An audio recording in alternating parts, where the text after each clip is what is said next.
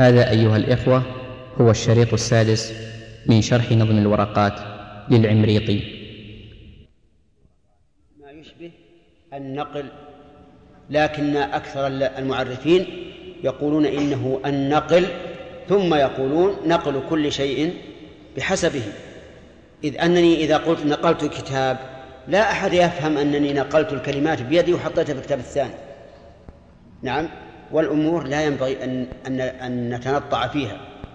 بل إذا فهم المعنى عن قرب فلا حاجة إلى التنطع. وعلى هذا فنبقى على ما قاله أكثر العلماء بأن النسخ هو الإزالة أو أو النقل. هذا في اللغة. أما في الشرع فيقول وحده أي شرعا رفع الخطاب اللاحق ثبوت حكم بالخطاب السابق إذن رفع الحكم الثابت بدليل شرعي رفعه بإيش؟ بدليل شرعي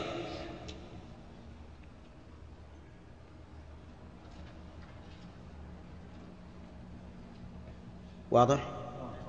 يعني حكم شرعي ثابت بدليل شرعي يأتي دليل شرعي بعده ثم يرفعه.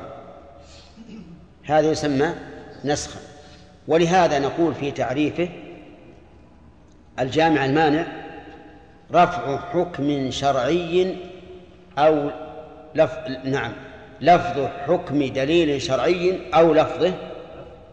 رفع رفع رفع حكم دليل شرعي أو لفظه. يعني أو رفع لفظه بدليل شرعي. هذا التعريف جامع مانع. رفع حكم دليل شرعي أو لفظه يعني أو رفع لفظه بدليل شرعي. انتبه. ولا يمكن هذا إلا عن طريق الكتاب والسنة. يعني الإجماع لا ينسخ. القياس لا ينسخ. إنما الذي ينسخ هو الدليل الشرعي. والنسخ ثابت. ثابت شرعا جائز عقلا.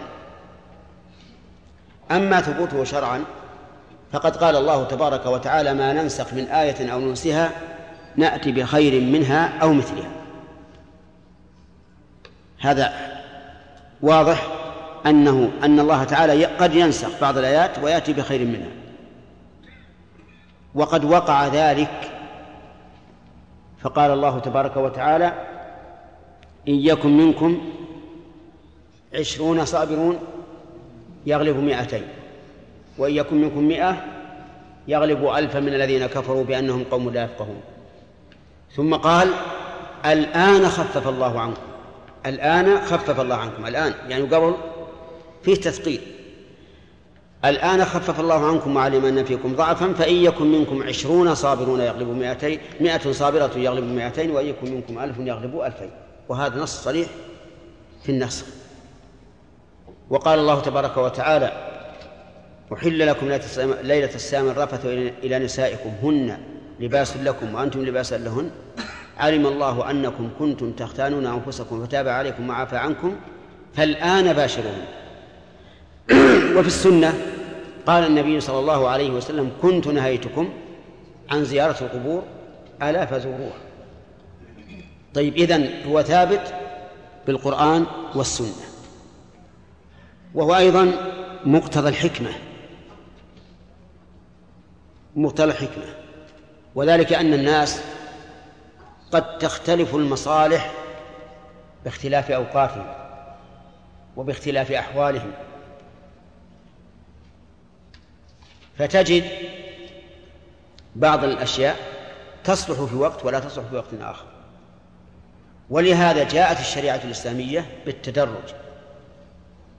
فالخمر مثلا أحل لنا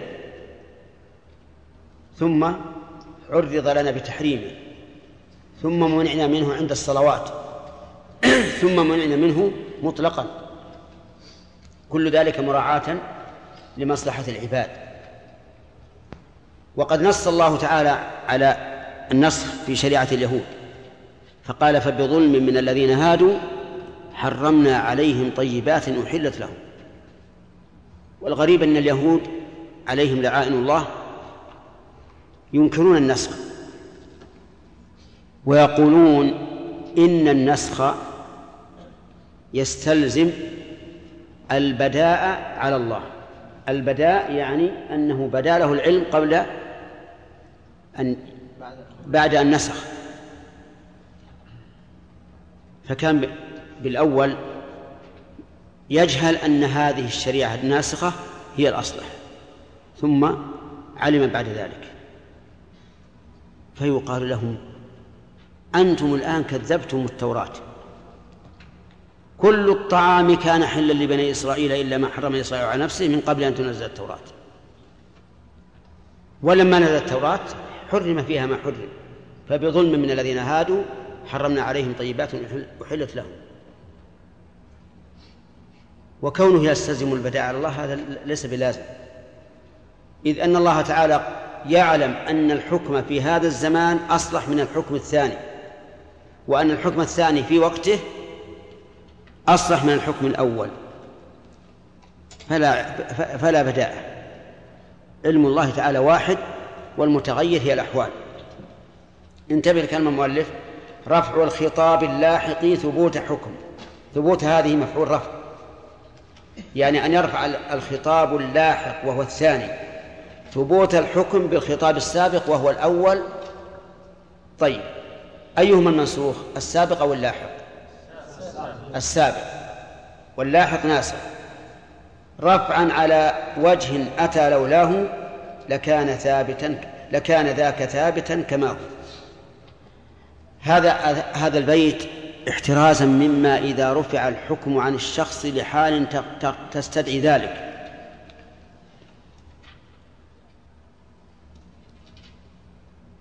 كرفع وجوب القيام في الصلاة للعاجز. هذا لا يقال نسخ. هذا لماذا؟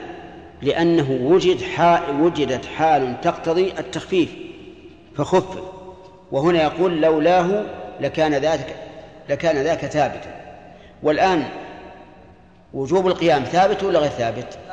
ثابت. لكن ارتفع عن هذا الرجل لماذا؟ لا تتكلم يا عبد الله. رفع هذا الحكم عن هذا العاجز لسبب. طيب ثم قال إذا تراخى عنه في الزمان ما بعده من الخطاب الثاني. يعني يشترط المؤلف أن يكون الثاني وهو الناسخ متأخرا عن الأول والتراخي في كل شيء بحسب. قد يتراخى لمدة شهر أو شهرين أو سنة أو سنتين وقد يتراخى ساعة أو ساعتين وقد يقترن بالفعل وقد يقترن بالأول إذا أمكن تنفيذ الأول. بل على القول الراجح يمكن النسخ قبل التمكن من فعل المنسوخ. المهم أن يثبت الحكم ثم يأتي ما ينسخه قال وجاز نسخ الرسم دون الحكم كذاك نسخ الحكم دون الرسم ونسخ كل منهما. أفادنا المؤلف رحمه الله أن النسخ ينقسم إلى ثلاثة أقسام. من حيث الناسخ والمنسوخ. يجوز نسخ الرسم دون الحكم. المراد بالرسم هنا اللفظ. يعني يجوز أن ينسخ اللفظ ويبقى الحكم. ومنه آية الرجم. آية الرجم نزلت وقرأها الصحابة وعقلوها ووعوها ونفذت فعلا. ثم بعد ذلك نسخ اللفظ وبقي الحكم. أين آية الرجم ما هي موجودة. لكن نعلم أنها كانت موجودة ثم نسخت. هل هل الرجم رفع أو لا؟ لا. إذا هذا نسخ اللفظ إيش؟ دون الحكم. إذا قال قائل ما الفائدة؟ ما الفائدة من نسخ اللفظ مع بقاء الحكم؟ ولماذا لم يبقى اللفظ خصوصا في القرآن ليزداد تعبد الناس به لأن تلاوة القرآن عبادة. فأي فائدة؟ نقول الفائدة والله أعلم هو بيان امتثال هذه الأمة لأمر الله وتنفيذها لحكمه. لأن لأن اليهود أنكروا الرجم مع أنه ثابت في الآية في التوراة. يعني لفظه وحكمه باقي ومع ذلك؟ استكبروا عنه. وقصة الرجل الذي زنى بامرأة وأتيا إلى رسول الله صلى الله عليه وعلى آله وسلم لعله يجد حكما دون الرجم فأمر برجمهما فقالوا هذا ليس عندنا. حتى أتي بالتوراة فإذا بها آية فإذا بآية الرجم تلوح. طيب إذن الفائدة من هذا إيش؟ إيه؟ بيان امتثال هذه الأمة لحكم الله وإن كان منسوخا له ولا تستكبر عن حكم الله أبدا ولو لم يكن أمامها أمام عينها الثاني يقول نسخ الحكم دون الرسم يعني نسخ الحكم الحكم واللفظ باق.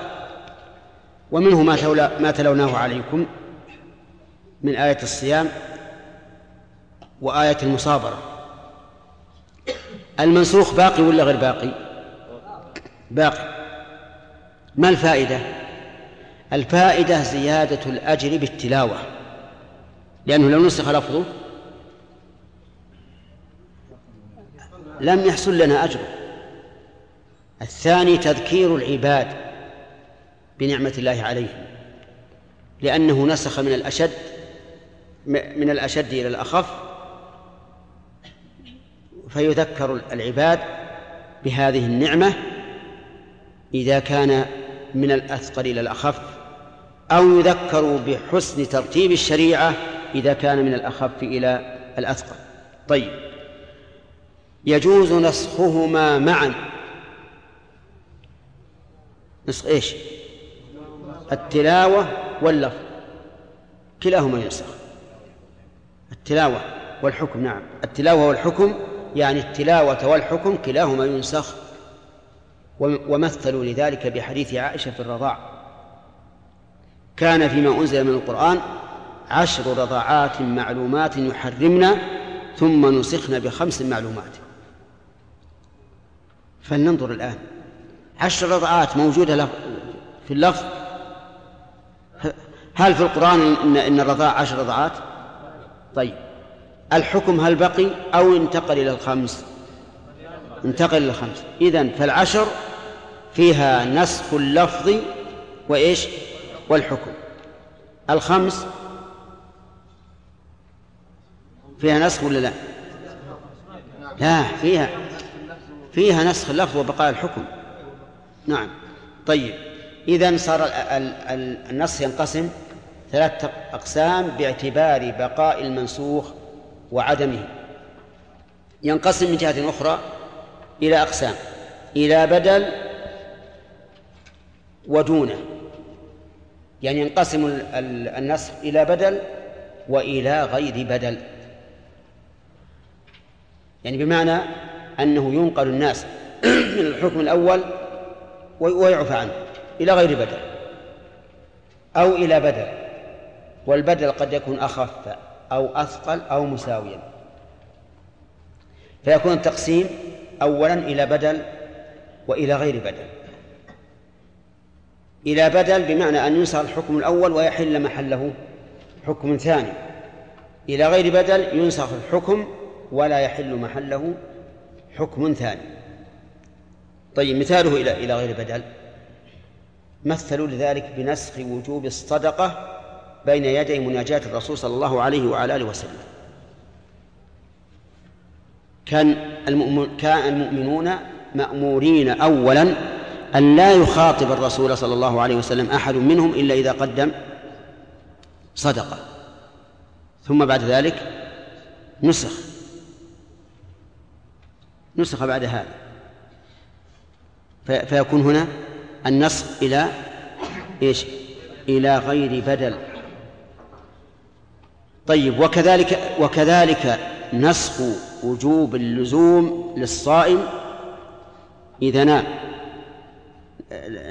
انتظروا حتى نشوف نبحث. إذا نام الصائم كان أول ما فرض الصيام أن الإنسان إذا نام امتنع عن الأكل إلى أن تغرب الشمس من اليوم التالي. نسخ هذا. هل هو إلى بدل ولا إلى غير بدل؟ يعني هل إنه نسخ؟ على أن يفعلوا كذا بدله أو نسخ تخفيفا وحل الحكم الخفيف. الثاني طيب. إذن المثال الذي لا, لا, لا يرد عليه شيء هو نسخ وجوب تقديم الصدقة بين يدي الرسول صلى الله عليه وعلى آله وسلم. الثاني إلى بدل البدل قد يكون أخف أو أثقل أو مساويا. مثال الأخف آية المصابرة كان الواجب أولا أن العشرة العشرين يغلبوا مئتين يعني الرجل عن عشرة. ثم نسخ إلى أن المئتين يغلبون أربعمائة. أليس كذلك؟ إن يكن منكم مئة صابرة يغلبوا مئتين. إن يكن منكم مئتان يغلبوا أربعمائة وهل مجرة. هذا تخفيف أو تثقيل ها؟ تخفيف.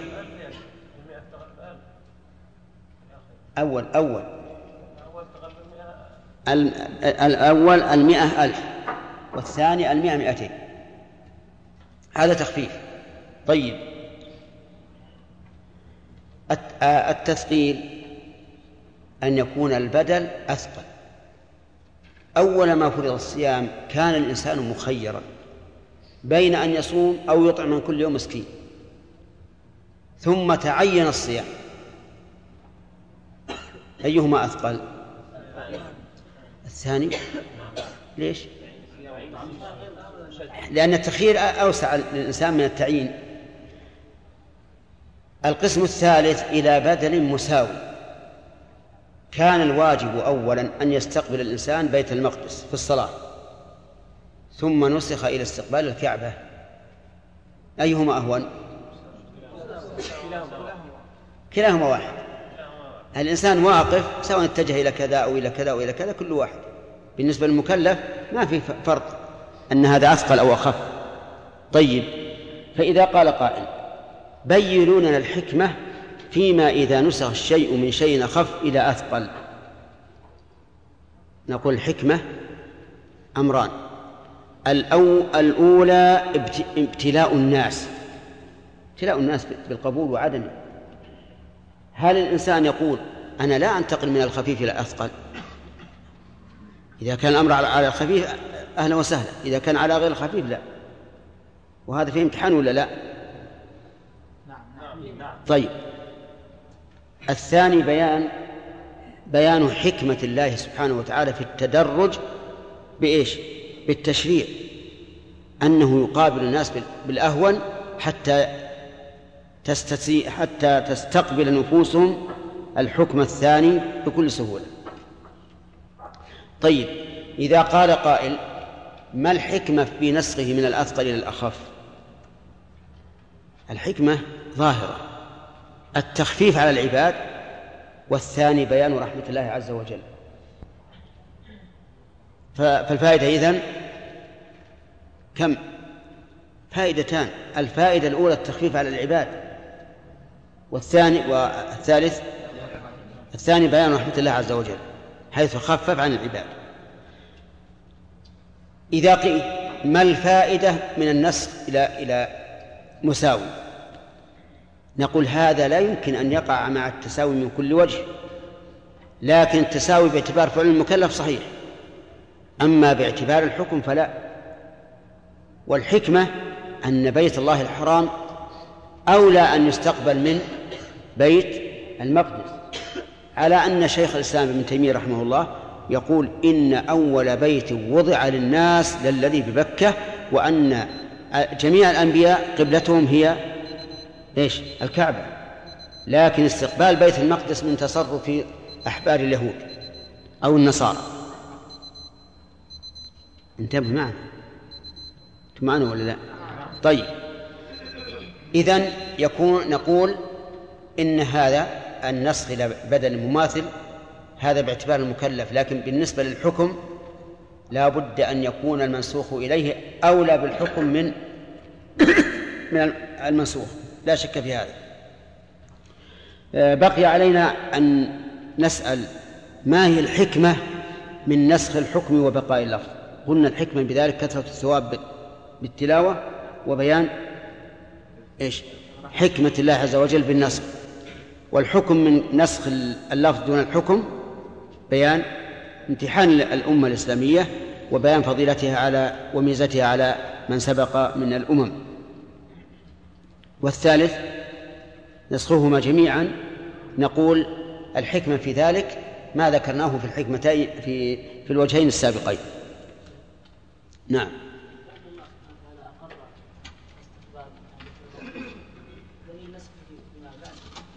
نعم نعم. يقال إن الله إن الرسول استقبل بيت المقدس لما وصل المدينة نعم تأنيفا لبني إسرائيل لليهود. وكان أول ما قدم المدينة يحب موافقتهم فيما لم ينهى عنه نعم إيش؟ الرضاعات ورد بحديث عائشة وهن كان إيش؟ مات نعم توفي تقول توفي رسول الله صلى الله عليه وسلم وهن فيما يقرأ من القرآن أجاب عنه العلماء رحمهم الله بأن بأن هذا النص كان في آخر حياة الرسول. ولم يعلم به بعض الصحابة فكانوا يقرؤونه. في واحد يا محمد. المشكلة على نسخ التلاوة أن القرآن لا يثبت إلا بالتواتر. نعم. الآيات المنسوخة بالتلاوة المنسوخة تلاوة يعني ممكن بغير التواتر. نعم. فكيف يعني يوجه ذلك؟ أما بارك الله فيك النسخ آية الرجم فهذا ثابت في الصحيحين عن عمر أنه خطب الناس ولم يعارضه أي معارض ولا في إشكال لكن الإشكال حديث عائشة في الرضاع لأنه لم يروه إلا مسلم ولم يروه يروه البخاري ولأن فيه إشكالا أن نثبت قرآنا بنقل واحد ثم نثبت أنه نسخ. ولهذا بعض العلماء طعن في هذا الحديث. وقال هذا الحديث لا يصح. لأنه مخالف لقول الله تعالى إنا نحن نزلنا الذكر وإنا له لحافظون ولكن الجمهور قبلوه وجعلوه مثالا لما نسخ لفظه وحكمه. نعم عبد الله.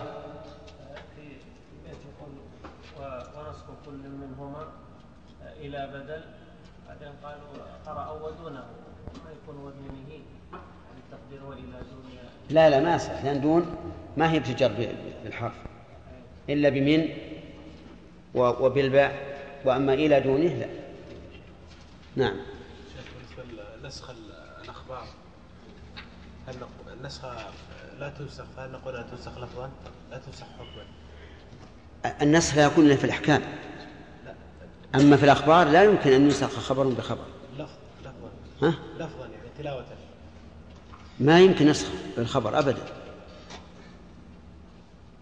قصد تلاوة يعني يكون مثلا قصة في القرآن ذكرت ثم نسخت تلاوة لا ثبوت. والله ما أحفظ هذا. بارك الله فيكم. آه ذكرت اليهود قالوا أن النسخ لا, لا يمكن أن يقع. نعم. هذا بداء لله تعالى. نعم. الآن لو في في بعض الطوائف في الأمة الإسلامية يعني تقول السلام لإمامين من أئمتها عند زيارة قبرهما السلام عليكما يا من بدا لله فيكما يا من؟ يا من بدا لله فيكما يا من؟ يا من بدا لله فيكم نعم الآن إيش حكم هذا القول؟ وش معنى بدا الله فيكم؟ هي البداء هو المعنى بدا يعني كان الله يريد أمر بعدين بدا له أمر آخر إيه؟ فإيش حكم هذا القول؟ هذا كو إذا إذا اعتقدوا أن أن العلم يحدث لله فهذا كفر لأن العلم صفة لازمة لله عز وجل. إذا نحتج عليهم أن هذا الكفر. إي نعم. آية آية المصابرة كانت فرض على المؤمنين منة من الله جل وعلا لأنهم الواحد الصابر منهم يقتل عشرة لا فرض فرض لأن قول إنكم منكم عشرة صابرون يدل على أنه لو لم يكن كذلك فلا صبر منكم. وانتفاء الصبر على الحكم الشرعي حرام. اللي بعده. يقول انتهى الوقت. انتهى الوقت. رحمه الله تعالى. ثم الكتاب بالكتاب ينسخ كسنة بسنة فتنسخ ولم يوجز ولم يجز أن ينسخ الكتاب بسنة بل عكسه صواب وذو تواتر وذو تواتر بمثله نسخ وغيره بغيره فل فلينتسخ واختار قوم النسخ ما تواتر بغيره وعكسه حتما يرى. باب في بيان ما قال المؤلف رحمه الله تعالى وجاز نعم. لما ذكر النسخ وأقسامه وأنه جائز عقلا وواقع شرعا ذكر ما بماذا يكون النسخ فقال ثم الكتاب بالكتاب ينسخ. يعني نسخ القرآن بالقرآن. هذا ثابت. ومنه قوله تبارك وتعالى إن يكن منكم عشرون صابرون يغلب مائتين وإن يكن منكم مائة يغلب ألفا من الذين كفروا بأنهم قوم لا يفقهون. الآن خفف الله عنكم وعلم أن فيكم ضعفا فإن يكن منكم مائة صابرة يغلب مائتين وإن يكن منكم ألف يغلب ألفين بإذن الله. والله مع الصابرين. هذا نص. إيش؟ قرآن بقرآن. طيب. وهذا واضح. قال وسنة بسنة كسنة بسنة فتنسخ. يعني كما تنسخ السنة بالسنة. وهذا أيضا ظاهر. مثل قوله صلى الله عليه وعلى, وعلى آله وسلم كنت نهيتكم عن زيارة القبور فزوروها. طيب. قال ولم يجز أن ينسخ الكتاب بسنة. يعني أنه يمتنع أن ينسخ القرآن بالسنة. لماذا؟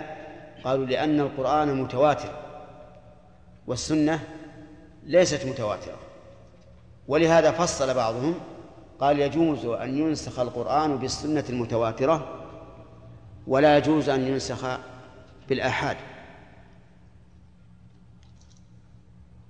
ولكن الصحيح أنه إذا صح الحديث عن النبي صلى الله عليه وعلى آله وسلم وكان ناسخا للقرآن أنه يعمل به. لكن تعرفون أن شرط النسخ أن لا يمكن الجمع. فإن أمكن الجمع فلا نسخ شرط النسخ أيضا أن يتأخر الناسخ فإن شككنا فيه فلا نسخ يجب التوقف. وعلى هذا فنقول الصواب أنه يجوز نسخ القرآن بالسنة إذا صحت عن النبي صلى الله عليه وعلى آله وسلم لأن الع... لأن النسخ محله الحكم والحكم يثبت بالقرآن وبالسنة. فإذا صحت عن الرسول عليه الصلاة والسلام نسخت. ومع هذا فإننا لا نحفظ إلا مثالا واحدا. في قوله تعالى واللذان يأتيان منكم فآذوهما فإن تابا وأصلحا فأعرضوا عنهما إن الله كان توابا رحيما. هذا يعني في الذكرين يأتيان الفاحشة فيما بينهما وهو اللواط. أمر الله أن نؤذيهما. وأنهما إذا تابا وأصلحا فإننا نعرض عنهما. ثم جاءت السنة من وجدتموه يعمل أعمال قوم لوط فاقتلوا الفاعل والمفعول به. لكن هذا الحديث لا يتحقق فيه الشرط الذي قلنا وهو الصحة إلا أنه أي هذا الحديث تأيد بعمل الصحابة فقد أجمع الصحابة رضي الله عنهم على قتل الفاعل والمفعول به لكن اختلفوا كيف يكون القتل. كما نقل نقل ذلك شيخ الإسلام ابن تيمية وغيره. قال ولم يجوز أن ينسخ الكتاب بسنة بل عكسه صواب. ما هو العكس؟ نسخ السنة بالقرآن صواب. والصواب أن النسخ يكون بالقرآن وبالسنة بعضهما مع بعض لكن يشترط في السنة أن تصح إلى النبي صلى الله عليه وعلى آله وسلم. ثم قال وذو تواتر بمثله نسخ وغيره يعني غير المتواتر بغيره أي بغير المتواتر فلينتسخ. أفادنا المؤلف رحمه الله أنه يجوز نسخ المتواتر بالمتواتر ونسخ الآحاد بالمتواتر ولا يجوز ويجوز نسخ الآحاد بالآحاد ولا يجوز نسخ المتواتر بالآحاد. لماذا؟ لأن على كلام المؤلف لا يجوز أن يكون الناسخ أضعف ومعلوم أن الآحاد أضعف من من المتواتر لكن في كلامه نظرا والصواب أن المدار على أي شيء على الصحة ثم قال واختار قوم النسخ ما تواتر بغيره يعني بغير ها؟ واخت... نعم. واختار قوم النسخ ما تواتر بغيره. يعني بغير المتواتر. يعني ينسخ المتواتر بالآحاد وعكسه حتما يرى. نعم. عكس ما هو؟ نسخ الآحاد بالمتواتر حتما يرى يعني يعني أنه يتحتم القول به. والخلاصة الآن؟ أن النسخ ثابت شرعا وجائز عقلا وأنه يشترط للنسخ شرطين أو شرطان يشترط للنسخ شرطان. الشرط الأول عدم أو عدم إمكان الجمع يعني أن يتعذر الجمع. والشرط الثاني أن يعلم تأخر الناسخ. فإن لم يتعذر الجمع إيش؟ وجب الجمع ولا نسخ لأن النسخ يعني إبطال أحد النصين وإن تعذر الجمع ولم نعلم المتأخر فإنه لا نسخ إذا ماذا نصنع؟ إذا إذا تعذر الجمع ولم نعلم المتأخر ماذا نصنع؟ يجب أن نذهب إلى الترجيح فإن لم يوجد مرجح وجب التوقف. وهل يشترط أن يكون الناسخ أعلى ثبوتا من المنسوخ؟ على رأي المؤلف يشترط والصحيح أنه لا يشترط إذا صح. ثم قال باب في التعارض بين الأدلة. تعارض النطقين في الأحكام يأتي على أربعة أقسام. تعارض النطقين المراد بذلك الكتاب والسنة لأن القرآن كلام الله. وقد قال الله عنه هذا كتابنا ينطق عليكم بالحق. إذا جاءنا المراد بالكتاب القرآن. والسنة نطق نطق نطق من؟ النبي صلى الله عليه وسلم. التعارض يقول يأتي على أربعة أقسام إما عموم أو خصوص فيهما أو كل نطق فيه وصف منهما أو فيه كل منهما ويعتبر كل من الوصفين في إيش؟ في وجه ظهر الأول يقول التعارض بين عامين أو تعارض بين خاصين أو تعارض بين عام وخاص مطلق أو بين عام وخاص من وجه كم الأقسام أربعة. القسم الأول التعارض بين عامين. والثاني بين خاصين. والثالث بين عام وخاص مطلق والرابع بين عام وخاص من وجه. هذا هي أقسام التعارض. ثم ب... ثم بين ذلك بقوله فالجمع بين ما تعارض هنا في الأولين واجب إن أمكن وحيث لا إمكان فالتوقف ما لم يكن تاريخ كل يعرف فإن علمنا وقت كل منهما فالثاني ناسخ لما تقدم.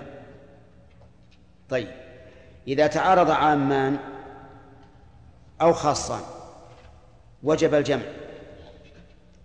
وجب الجمع بينهما. فإذا ورد في القرآن ثم لم تكن فتنتهم إلا أن قالوا والله ربنا ما كنا مشركين وورد فيه أنهم لا يكتمون الله حديثا. يعني المشركين. فهذان عامان. فكيف نعمل؟ نقول يجب أولا الجمع. فإن لم نعلم فإن لم يمكن الجمع رجعنا إلى إيش؟ إلى إلى المرجح لا رجعنا إلى إلى التاريخ. إن علمنا المتأخر فهو الناس. وإن لم نعلم فالترجيح وإن لم يكن ترجيح وجب التوقف. خاصين مثل أن يرد نص أكرم زيدا ونص آخر لا تكرم زيدا. هذا تعارض. فإذا أمكن الجمع وقيل إن المعنى أكرم زيدا إن اجتهد أو لا تكرم زيدا إن أهمل. هذا جمع وجب الجمع. وإذا لم يمكن عملنا بالمتأخر فإن لم يمكن فالراجح فإن لم يمكن فالتوقف. وهذا معنى قوله وحيث لا إمكان فالتوقف ما لم يكن تاريخ كل يعلم. ها؟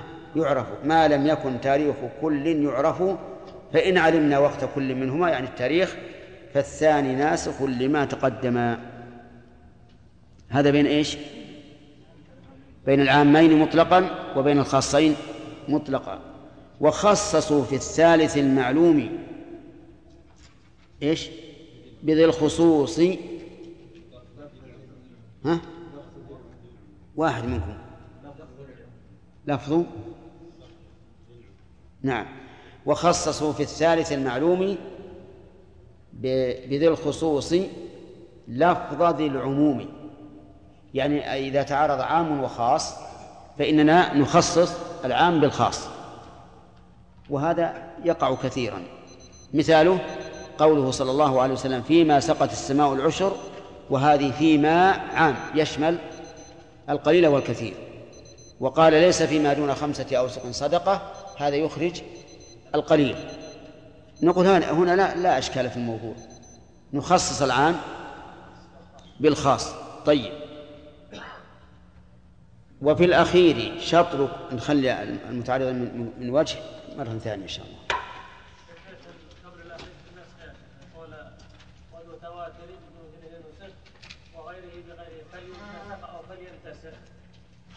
يصلح يجوز. ينتسخ يعني يحكم بنسخ ادرك بسم الله الرحمن الرحيم. قال المؤلف رحمه الله تعالى في بقية أقسام التعارض. وقد سبق أنه إما أن يكون التعارض بين عامين أو بين خاصين أو بين عام وخاص أو بين اثنين بينهما عموم وخصوص نسبي. وتقدم حكم كل منها إلا الأخير. قال وفي الأخير شطر كل شطر كل نطق من كل شق إيش؟ حكم ذاك النطق يعني معناه أنه إذا تعارض نصان من وجه فإننا نحكم بتخصيص عموم كل منهما بخصوص الآخر مثال ذلك قال النبي صلى الله عليه وسلم لا صلاة بعد الصبح حتى تطلع الشمس. وقال إذا دخل أحدكم المسجد فلا يجلس حتى يصلي ركعتين. فالأول لا صلاة بعد الصبح حتى تطلع الشمس. فيه عموم الصلاة. لا صلاة. أولا وخصوص الزمن وهو ما بين طلوع ما بين صلاة الفجر إلى طلوع الشمس. وإذا دخل أحدكم المسجد فلا يجلس فلا يجلس حتى يصلي ركعتين. فيه إيش؟ عموم الصلاة آه نعم فيه عموم الصلاة وعموم النهي عن الجلوس. لكن الصلاة هذه خاصة في تحية المسجد. فهذا رجل دخل في وقت النهي. نقول لا تصلي. إن قلنا لا تصلي أخذنا بعموم النهي. لا صلاة بعد الصبح حتى تضع الشمس. وإن قلنا صلي أخذنا بعموم.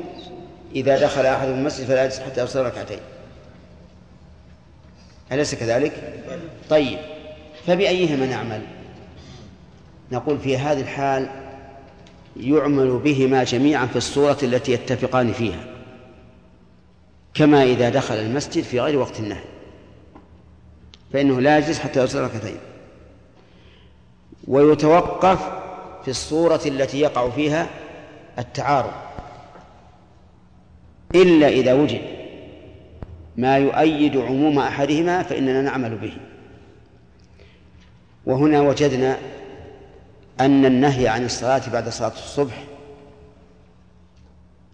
أضعف من الأمر بالصلاة إذا دخل المسجد.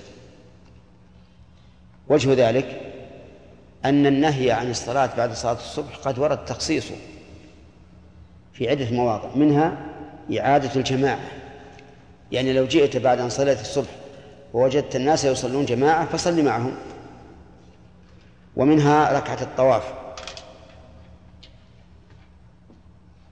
فإن فإنها تجوز في وقت النهي ومنها سنة الوضوء. فتمزق بذلك عموم النهي عن الصلاة بعد بعد بعد الفجر. ولذلك نقول إن القول الراجح في هذه المسألة أن كل صلاة لها سبب فإنه يجوز أن تفعل في وقت النهي. لأن وجدنا أن عموم الأمر بهذه الصلاة التي التي لها سبب أقوى قال واخصص عموم واخصص عموم كل نطق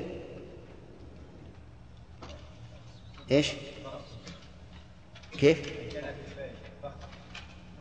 فاخصص عموم كل نطق منهما أيضا آه، بالضد من قسميه واعرف أنهما أي نعم. عموم كل منهما أخصصه بخصوص الآخر. حتى تسلم من معارضة النصين. ثم قال رحمه الله كتاب الإجماع. الإجماع في اللغة يطلق على معنيين أحدهما العزم والثاني الاتفاق. مثال العزم قوله تعالى فأجمعوا أمركم وشركاءكم. أجمعوا أمركم يعني اعزموه واعتمدوه. ومن, ومن الثاني الاتفاق أن يقول العلماء أجمعوا على كذا. معنى أجمعوا يعني اتفقوا. ولا بد في الإجماع من أن نعرف ما هو ثم نعرف مرتبته في, الأدلة وهل هو من الأدلة أو لا. فيقول رحمه الله هو اتفاق كل أهل عصري أي علماء الفقه دون نكري على اعتبار حكم على على اعتبار حكم ها؟ على اعتبار على اعتبار حكم أمر قد حدث. شوف. يقول هو اتفاق كل هو اتفاق كل أهل عصر أي علماء الفقه دون نكري ها؟ اتفاق كل أهل العصر نعم كيف؟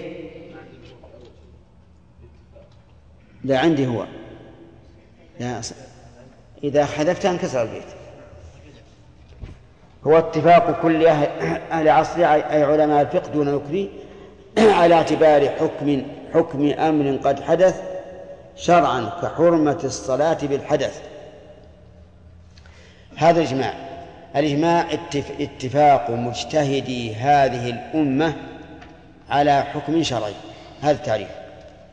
اتفاق مجتهدي هذه الأمة على حكم شرعي.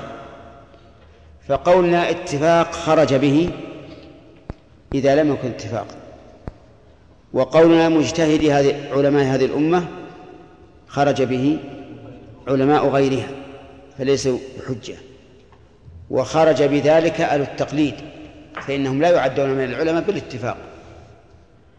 وعلى حكم شرعي خرج به ما لو اتفقوا على حكم حسي أو حكم عادي فهذا لا عبرة به فلا بد أن يكون اتفاق على حكم شرعي. ثم قيد المؤلف أهل العصر بأنهم الفقهاء فقال أي علماء الفقه؟ وهذا يغني عنه قولنا اتفاق مجتهدي هذه الأمة. طيب لو اتفق علماء النحو على مسألة ما هل تدخل في هذا التعريف؟ لا. ولا ولا لنا بهم شأن. يتفقون أو يختلفون. يقول وقوله قد حدث شرعا كحرمة الصلاة في الحدث. حرمة الصلاة في الحدث ظاهر كلام المؤلف أن دليلها الإجماع وليس كذلك بل دليلها النص قبل الإجماع. قال الله تعالى يا أيها الذين آمنوا إذا قمتم إلى الصلاة فأصلوا وجوهكم. والأمر بالغسل نهي عن الترك.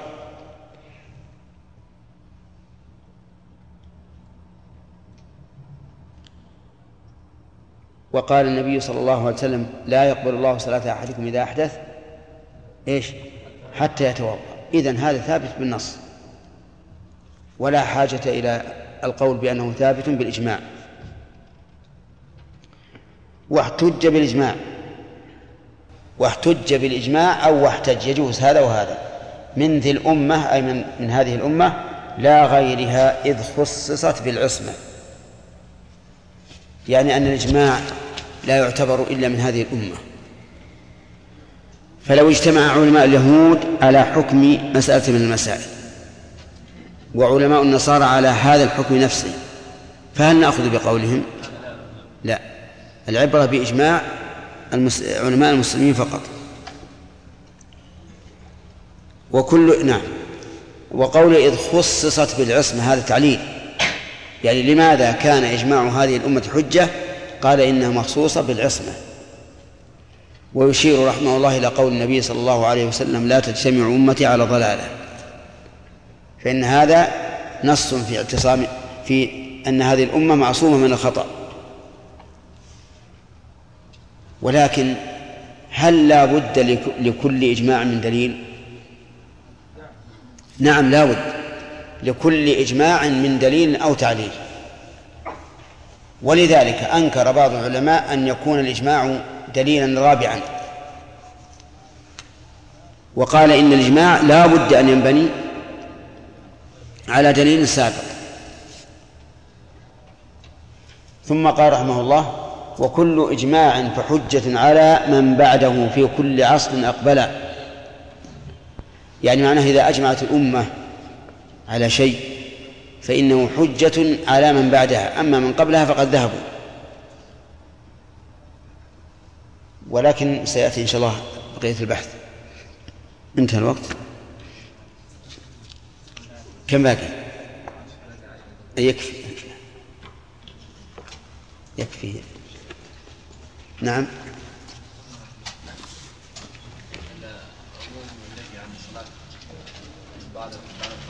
نعم. نعم. نعم. الثاني هو اقوى نعم. ولكن الأول اتفق العلماء انه للتحريم نعم. الصلاه بعد الفجر نعم العلماء متفقين انه للتحريم نعم في صلاه التحيه ليس متفقين بعضهم قال واجب وبعضهم قال ليس نعم نعم. هو أصل, أصل النهي عن عن التطوع. أصل النهي إنما هو عن التطوع. أما الفريضة ما عنها نهي. يعني القول بأن بأن تحية المسجد واجبة ما فيها نهي أصلا أي نعم. الذين يقولون إن تحية المسجد واجبة يقولون كل واجب فليس عنه نهي. والنهي إنما هو عن التطوع فقط. لا إذا أن أقول أن ذكرت الخلاف هل هي واجبة أو مستحبة. نقول إذا كانت واجبة فإنها لم تدخل أصلا في النهي لأن قوله لا صلاة بعد الصبح حتى تطلع الشمس هذا في النوافل فقط وإنما ترد أو التعارض إذا كانت للاستحباب. إي نعم. ناقض به.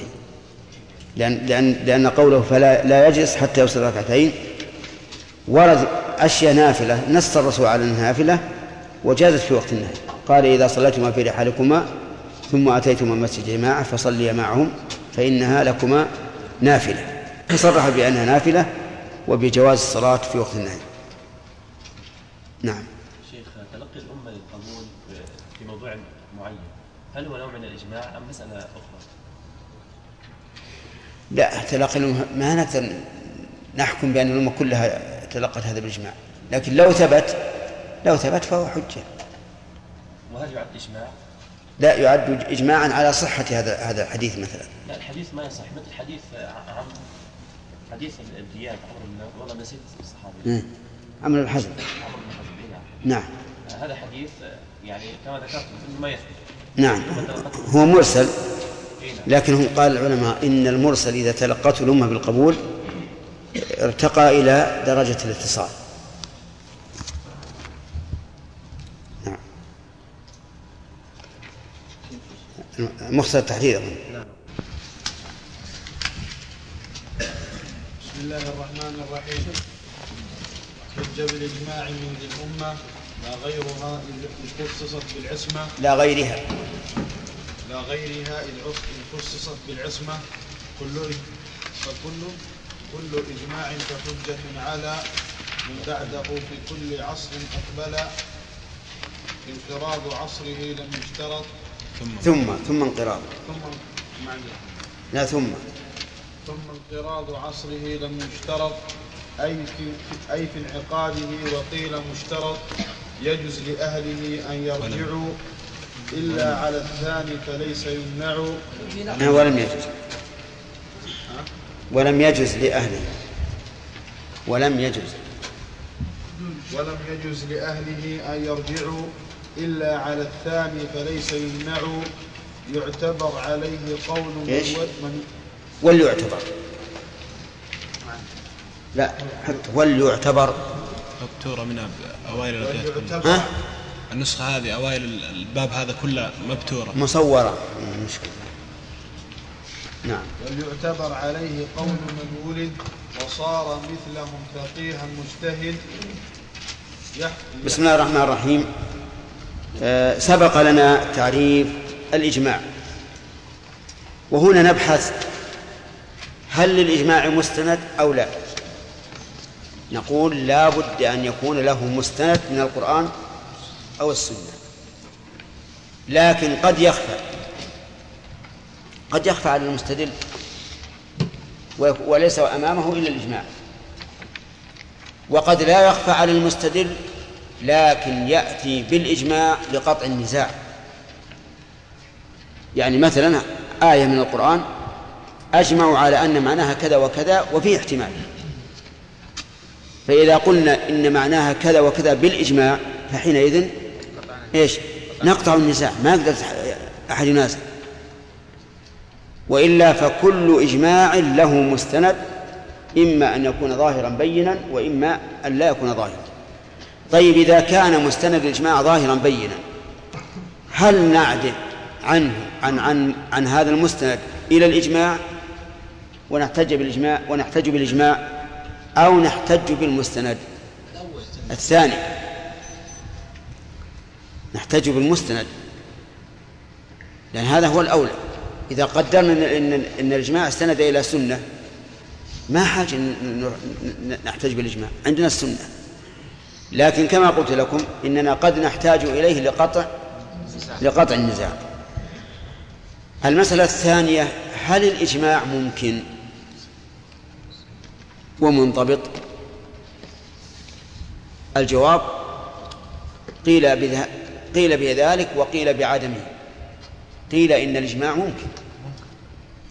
ومنضبط. وقيل لا. وقد نقل عن الإمام أحمد رحمه الله أنه قال من ادعى الإجماع فهو كاذب. وما, وما يدريه لعلهم اختلفوا وصدق رحمه الله. كان الناس في مشارق الأرض ومغاربها. وكانت المواصلات في ذلك الوقت صعبة. فما الذي أدرانا أنه لم يبقى عالم إلا وافق؟ والعلماء منتشرون في أقطار الدنيا. لا نعلم. إذن فدعوى الإجماع إيش؟ غير غير صحيحة. غير صحيحة. وقيل بل الإجماع في صدر الأمة ممكن. لا لا حين انتشرت الأمة.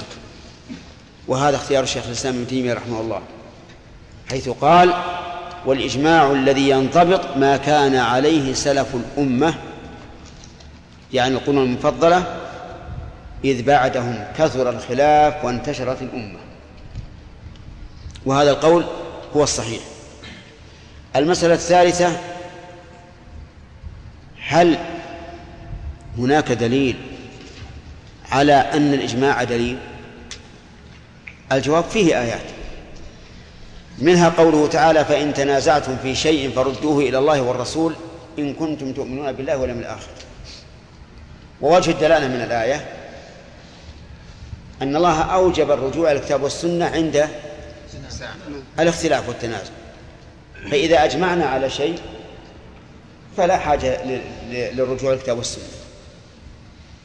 ومن الأدلة التي استدلوا بها قول الله تبارك وتعالى ومن يشاقق الرسول من بعد ما تبين له الهدى له الهدى ويتبع غير سبيل المؤمنين نوليه ما تولى ونصيه جهنم وساءت مصير ومن ومن الأدلة لا تجتمع أمتي على ضلالة.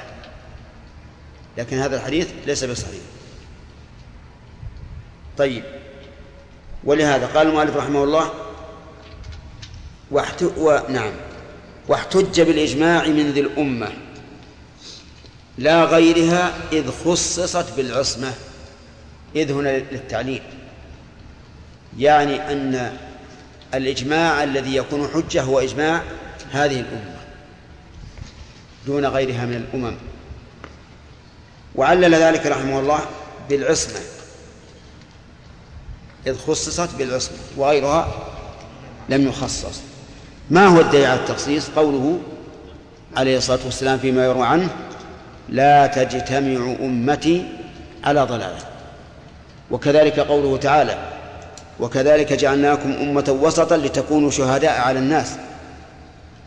فهم شهداء على الناس يشمل الشهداء على أفعال الناس والشهداء على أحكام أفعال الناس. وهذا يدل على أن الإجماع حجة إجماع هذه الأمة. ثم قال وكل إجماع فحجة على من بعده في كل عصر أقبل. يعني أن الإجماع حجة على من بعده إلى يوم القيامة. فلا يجوز لمن كانوا مجتهدين بعد أن حصل الإجماع لا يجوز لهم أن أن يخالفوا الإجماع. طيب وهل يكون الإجماع حجة على من قبله؟ لا. أصلا ما يمكن. لأن اللي قبله انتهوا ماتوا فارقوا الدنيا. لكن لو كانوا بقوا وحصل الإجماع في عصرهم فهو حجة. قال وكل إجماع فحجة على من بعده في كل عصر أقبل ثم انقراض عصره لم يشترط أي في انعقاده وقيل مشترط. نعم. هذه مسألة فيها خلاف. هل يشترط لثبوت الإجماع انقراض العصر أو يحصل الإجماع بأول لحظة أجمعوا عليه عليها. المسألة فيها خلاف. بعضهم يقول لا بد من انقراض العصر وذلك لأنه يجوز لأحد من يتغير رأيه. فلا إجماع حتى ينقرض العصر. فمثلا إذا كان من التابعين متى ينقرض متى ينعقد الإجماع؟ إذا انقرض التابعون وتابعوهم وهكذا فلا بد من انقراض العصر. والقول الثاني أنه لا يشترط انقراض العصر وهذا هو الصحيح. هذا هو الصحيح أنه لا يشترط لأنه بمجرد إجماعهم ثبت الدليل. فلو نقضوا فيما بعد لصاروا ناقضين للدليل فلا عبرة بهم. نعم قال ولم يجز لأهله أن يرجعوا لا ولم يجز لأهله أن يرجعوا إلا على الثاني فليس يمنع. ولم يجز لأهله من أهله؟ أهل الإجماع أن يرجعوا إلا على الثاني. الثاني هو الذي يقول يشترط انقراض العصر وأما الأول فلا يجوز لهم الرجوع. لماذا؟ لأنه حصل الإجماع فلا يمكن أن يرجعوا ولنفرض مثلا أننا نحن الأمة جميعا. نحن هنا الأمة. إذا قلنا هذا حرام وقال واحد منا هذا حلال فهل هذا إجماع؟ لا. لا. لأنه ما اتفقوا على القول. إذا قلنا هذا حرام ثم كتبنا الفتوى. وأجمعنا على ذلك. هل لأحدنا أن يرجع؟ لا. على قولين. على قولين. إن قلنا بانقراض العصر بشرط انقراض العصر فل فل فلنا أن نرجع. وإن قلنا لا يشترط فليس لنا أن نرجع وهذا هو الصحيح. ولهذا قال و ولم يجد لأهله أن يرجعوا إلا على الثاني الذي يشترط انقراض العصر فليس يمنع وليعتبر عليه قول من ولد وصار مثلهم فقيها مجتهد. يعني كذلك أيضا من ولد وصار فقيها فهل تعتبر موافقته أو لا؟ القول الثاني. على القولين. إن قلنا بانقراض العصر قلنا لا بد أن يبلغ ويرشد ويصل له علم. وإن قلنا بعدم ذلك قلنا لا شر وأيهما أصح أنه ليس بشر الراجح أن انقراض العصر ليس بشر قال ويحصل الإجماع بالأقوال من كل أهلها من كل أهله وبالأفعال وقول بعض حيث باقيهم فعل وبانتشار مع سكوتهم حصل. عاد المؤلف عاد فذكر ماذا يحصل به الإجماع. فقال يحصل الإجماع بالقول من, من أهله. كيف الإجماع بالقول؟ يعني أن كل أهله قالوا هذا حلال هذا حرام هذا مشروع هذا غير مشروع. الثاني الأفعال.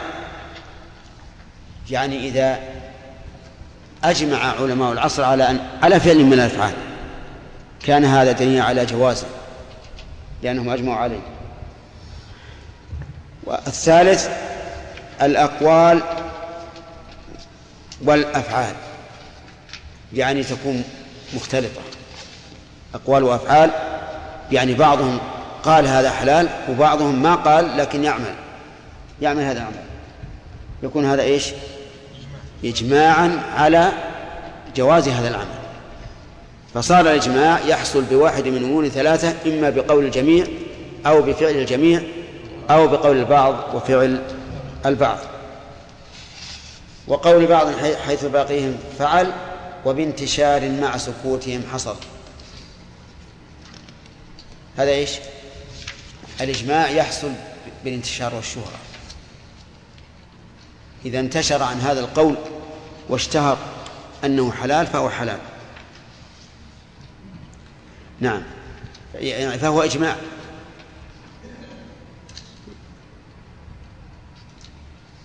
ثم الصحابي.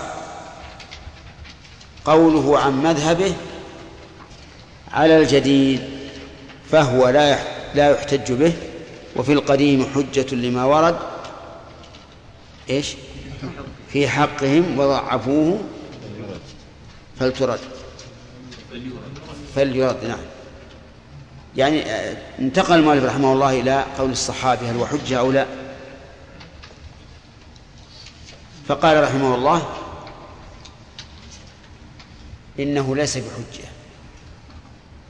على الجديد أي على جديد قولي الشافعي لأن الشافعي له مذهبان مذهب قديم وهو مذهبه في العراق ومذهب جديد وهو مذهبه في مصر. يرى رحمه الله أن قول الصحابي ليس بحجة. وفي القديم حجة. يعني ويرى في القديم أن الصحابي قوله حجة. وهذا هو الصحيح الذي مشى عليه ابن آه، شيخ آه، الذي مشى عليه أحمد بن حنبل رحمه الله. أن فعل الصحابي حجة لكن بشرط أن لا يخالفه أحد وأن لا يخالف النص. فإن خالف النص فمردود. وإن خالفه أحد إيش؟ نظرنا. الدليل من الكتاب والسنة أيعضد, أيعضد قول الصحابة أو لا يقول فقي وفي القديم حجة لما ورد في حقهم وضعفوه. فليرد الذي ورد في حقهم ما يذكر عن النبي صلى الله عليه وسلم إن أصحابي كالنجوم بأيهم اقتديتم؟ اهتديتم والصحيح في قول الصحابي أنه إذا كان من الفقهاء المعتبرين فقوله حجة ما لم يخالف نصا أو قول صحابي آخر فإن كان من الصحابة الذين ليس ليسوا معتبرين ولا مع ولا من عهد منهم العلم فقوله إيش؟ ليس بحجة كقول سائر الناس مثلا لو أن رجلا من البادية جاء وسلم على النبي عليه الصلاة والسلام وآمن به وأخذ منه ما أخذ فإننا فإن هذا لا يقال إن قوله حجة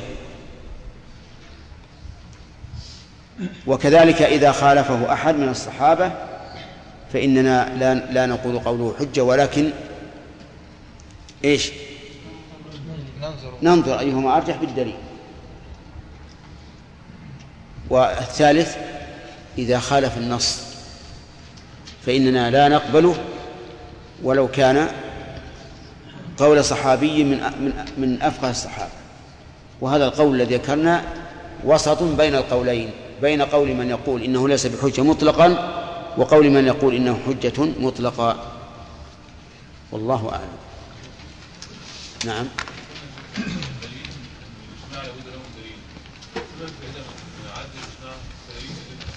نعم. ذكرنا الفائدة.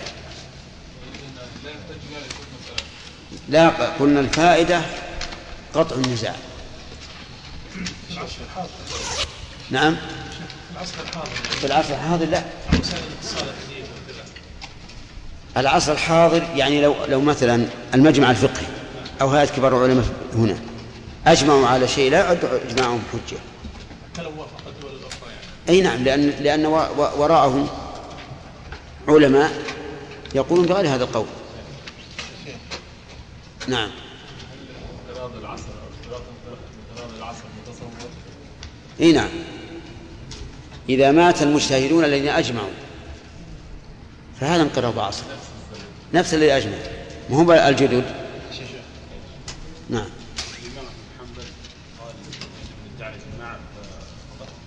نعم. هو كان نعم. هو الذي قال اجمع الايه في الصلاة. نعم. كيف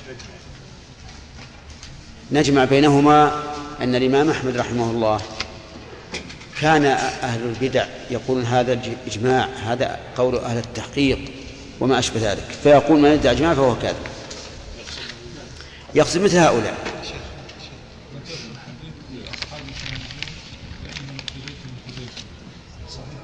لا. قلنا ضعفوه كما قال المؤلف نعم. اجماع السكوت يا شيخ حجة يا شيخ. ما هو حجة؟ لأنه يحتمل أشياء متعددة. الصحابي لو الصحابي مثلا الصحابي عمل فعل فعلا. ها؟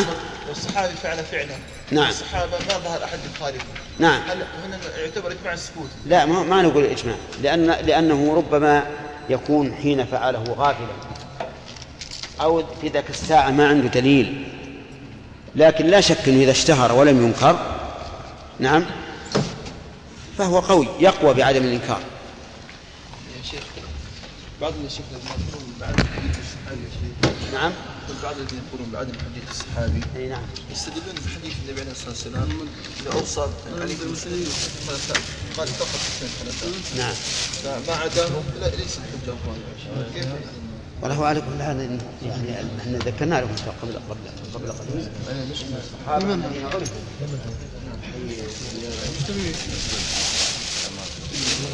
إلى الذي عنه الخبر لا باجتهاد بل سماع أو نظر.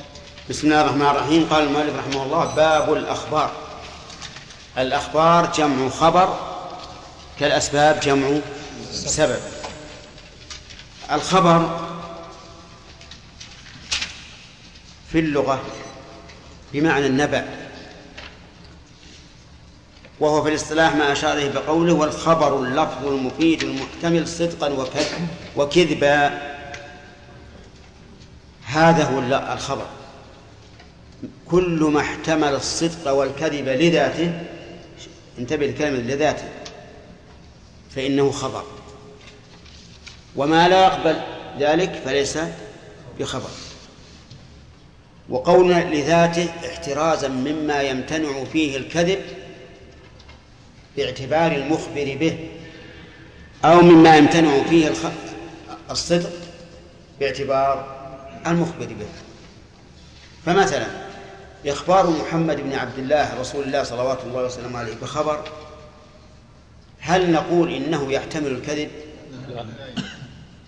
لكن لذاته ولا المتكلم به؟ باعتبار المتكلم به. ومسيلمة كذاب الذي قال إنه رسول الله خبره لا يحتمل الصدق. لذاته للمخبر به. ولهذا إذا قال محمد بن عبد الله إنه رسول الله قلنا صدق. وإذا قال مسيلمة قلنا كذب. فالخبر خبر واحد. إني رسول الله. نقول لهذا كلامك حق لا يحتمل الكذب. ونقول للثاني كما كلامك كاذب لا يحتمل الصدق. باعتبار إيش؟ المخبر به. إذا فالخبر ما لا يحتمل الصدق والكذب لذاته. وقيل الخبر ما يصح أن يخبر به عنه أن ما يصح أن يوصف به المخبر بأنه صادق. ما يصح أن يوصف المخبر به المخبر المخبر لا إله إلا الله. ما يصح أن يوصف المخبر به أنه صادق أو أنه كاذب. نجيب أو للتنويع. مثال ذلك. العلم نافع. هذا خبر؟ خبر. طيب. لأنه يصح أن يقال لقائله صدقت. أو كذبت. لكن لكن هنا لا يصح أن نقول كذبت لأن الواقع أنه نافع رحمك الله يا فلان. رحمك الله يا فلان. هذا خبر ولا لا؟ لا ليس رحم فعل ماضي.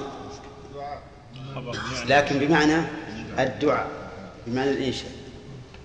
طيب قلت لأحد الطلبة الذي رأيته وهو غافل القلب انتبه. خبر؟ هذا ليس خبر. طيب قلت غفل الطالب. خبر. خبر. الحمد لله. طيب ثم قال رحمه الله تعالى وصدقا وكذب منه فرع قد نقل تواترا للعلم قد أفاد. يعني معناه نوع نوع صحيح. منه نوع قد نقل تواترا يعني نوع المؤلف الخبر إلى نوعين.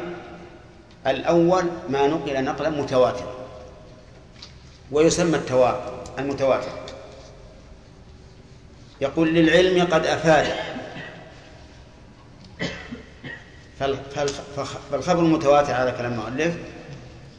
هو ما أفاد العلم. وما لا يفيد العلم فهو خبر أحد وهذا تعريف للشيء بحكمه. وتعريف الشيء بالحكم مردود عند علماء المنطق. كما قال ناظمهم وعندهم من جملة المردود أن تدخل الأحكام في الحدود. لكن أنا سأذكر تعريفه فيما بعد. وما عدا ذا وما عدا هذا اعتبر آحادا. يعني ما عدا المتواتر فهو آحاد فدخل فيه المشهور والعزيز. آه والثالث الغ- الغريب. فأول النوعين يعني المتواتر ما رواه جمع لنا عن مثله عزاه وهكذا إلى الذي عنه الخبر. نعم. إذا ما رواه جمع. ما رواه جمع. أي جمع؟ جمع كثير. يمتنع في العادة أن يتواطؤوا على الكذب. هذا المتواتر. وسمي متواترا من تواتر الشيء إذا تتابع كما يقال تواتر القطر يعني المطر. وخبر الآحاد متواتر يعني المخبر يعني أن المخبرين تواتروا على هذا الخبر وتتابعوا عليه. فلا بد من جمع ويشترط في هذا الجمع أن لا يمكن عادة تواطؤهم. إيش؟ على الكذب. يعني في العادة لا يمكن أن- نتواطؤ على الكذب. طيب. لا بد أيضا أن يكون هذا ال- الجمع رواه عن جمع مثله ولهذا قال عن مثله عزاه. وهكذا كل جمع يعزوه إلى إلى مثله إلى الذي عنه الخبر يعني إلى منتهى الخبر. وتعلمون أن منتهى الخبر إما إلى الرسول وإما إلى الصحابة وإما إلى من بعدهم. طيب. وكل جمع. نعم. لا باجتهاد لا باجتهاد بل سماع أو نظر. يعني أن هؤلاء لم ينقلوه عن مثلهم عن اجتهاد. واحترز بذلك عن نقل النصارى النقل المتواتر على أن الله ثالث ثلاثة. ونقل اليهود النقل المتواتر على أن مريم بغي والعياذ بالله. هذا نقل متواتر. لكن هل هو عن سماع؟ عن مشاهدة؟ عن اعتقاد فاسد. وعليه فخبر النصارى بأن عيسى ابن الله أو أنه إله خبر كاذب ولو تواتر. لأنه صادر عن إيش؟ أي عن اجتهاد وكذلك النصارى خبرهم عن أن. على أن أن عيسى ابن ابن بغي وأن مريم زحف خبر اليهود نعم خبر اليهود بأن عيسى ابن بغي وأن مريم زانية هذا أيضا إيش هذا خبر عن اجتهاد فلا يعد متواترا ولا يفيد العلم. طيب يقول بل سماع أو نظر يعني بل يكون منتهاه السماع إن كان مما يسمع أو النظر إن كان مما يرى لأن الحديث إما مسموع أو مرئي. طيب وكل جمع كل جمع من من من جمع المتواتر وكل جمع شرطه أن يسمعوا والكذب منهم بالتواطي يم- يمنع ها؟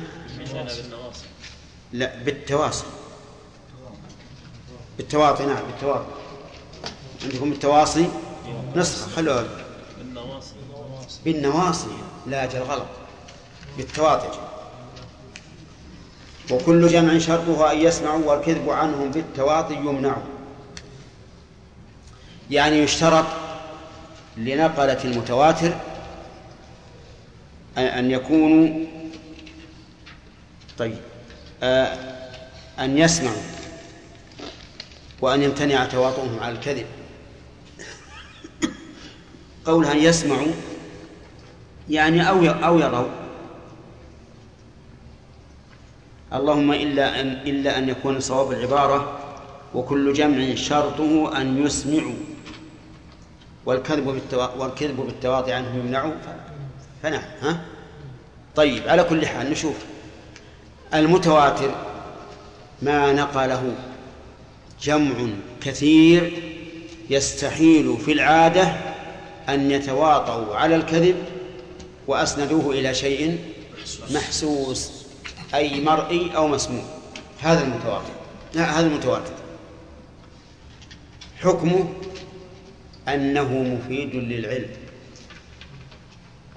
أنه مفيد للعلم. فبمجرد ما يأتينا هذا الحديث وهو متواتر فإننا نقول إن النبي صلى الله عليه وسلم قد قاله ولا إشكال. وليعلم أن التواتر في الأحاديث نوعان. لفظي وهو قليل ومعنوي وهو كثير.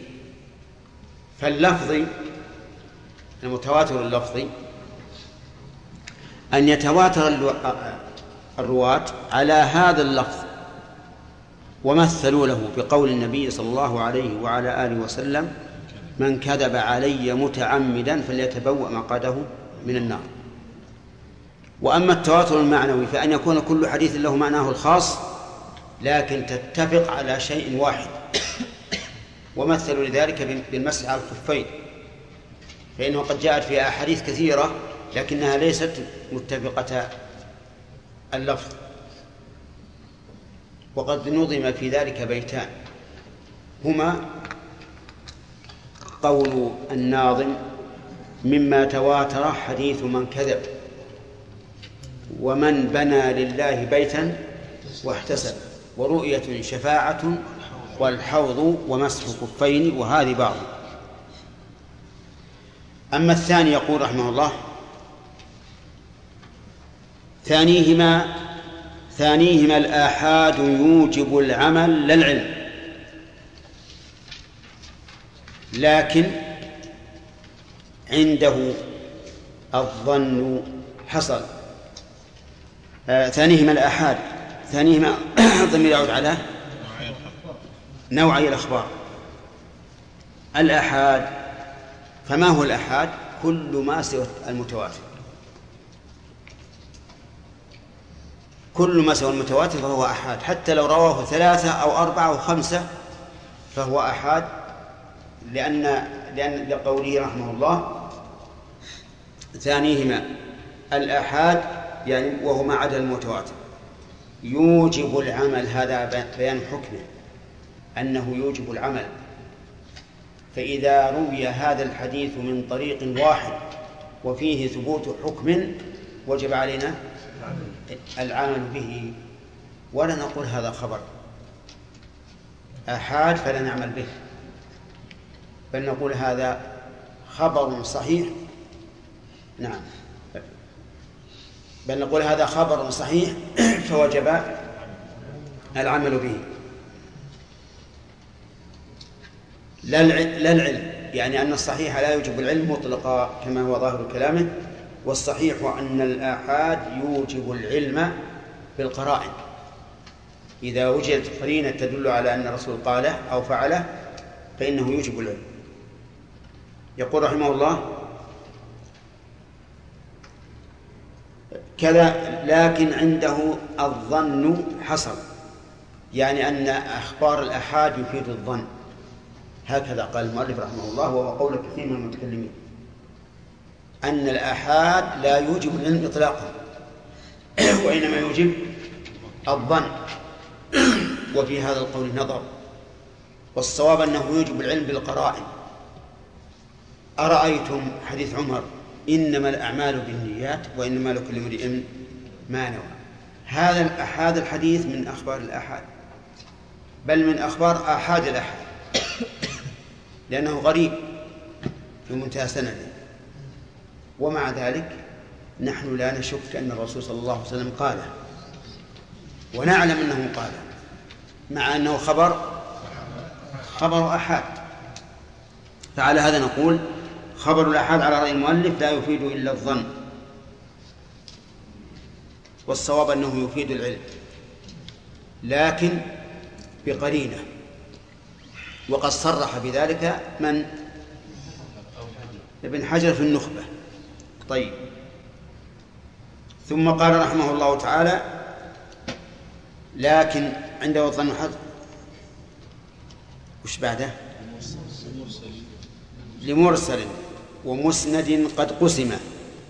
يعني أن أخبار الآحاد ينقسم إلى قسمين مرسل ومسند.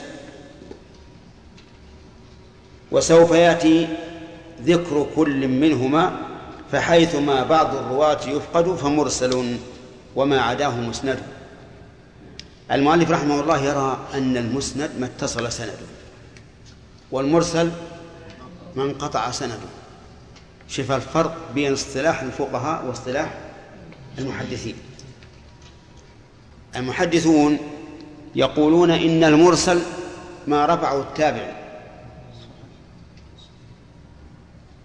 هذا المرسل. ويقول المسند مرفوع صحابي بسند ظاهره الاتصال. أما أولئك الفقهاء فيقول لا. المسند ما اتصل إسناده والمرسل ما انقطع إسناده. ولا شك أن الفقهاء كلامهم أوضح لكن كلام المحدثين أدق بلا شك. يقول فحيثما بعض الرواة يفقد فمرسل وما عداه مسند للاحتجاج صالح لا المرسل لكن مراسيل الصحابي تقبل. يعني أن الآحاد صالح للاحتجاج إلا المرسل. ما هو المرسل؟ لا لا على كلام الفقهاء. من قطع سنده. من قطع سنده. لكن مراسيل الصحابي تقبل ما هي مراسيل الصحابي؟ هي ما رواه الصحابي الذي لم يسمع من الرسول الذي روى الصحابي ولم يسمع من الرسول عليه الصلاة والسلام فهذا يسمى مرسل صحابي مثاله أن محمد بن أبي بكر رضي الله عنه ولد متى؟ عام حجة الوداع. فإذا روى حديثا عن الرسول صلى الله عليه وسلم فإننا لا نقول أنه متصل بل نقول هذا مرسل لكن يجب أن نقول مرسل صحابي. مرسل الصحابي مقبول ولا ولا مردود؟ مقبول لأنه وإن كان هو لم لم يسمع لم يسمع من الرسول فيحتمل أن أن الرسول صلى الله عليه وسلم فيحتمل أنه سمعه. من صحابي آخر عن الرسول.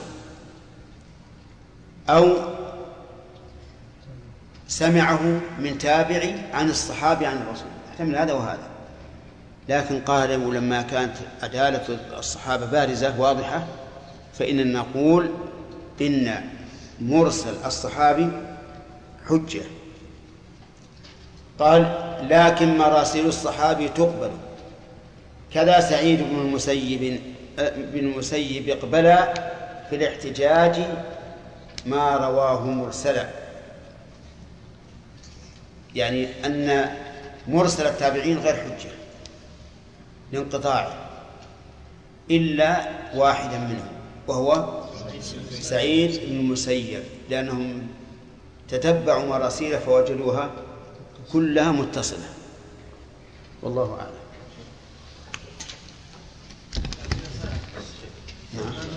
أساسا للدرس قال الناظم رحمه الله تعالى كذا سعيد بن المسيب اقبلا للاحتجاج ما رواه مرسلا وألحقوا بالمسند المعنعنا بحكمه الذي له تبينا.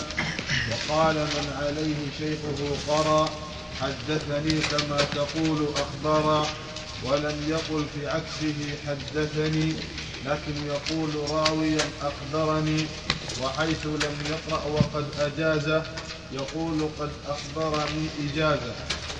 بسم الله الرحمن الرحيم. الحمد لله رب العالمين وصلى الله وسلم على نبينا محمد وعلى آله وأصحابه.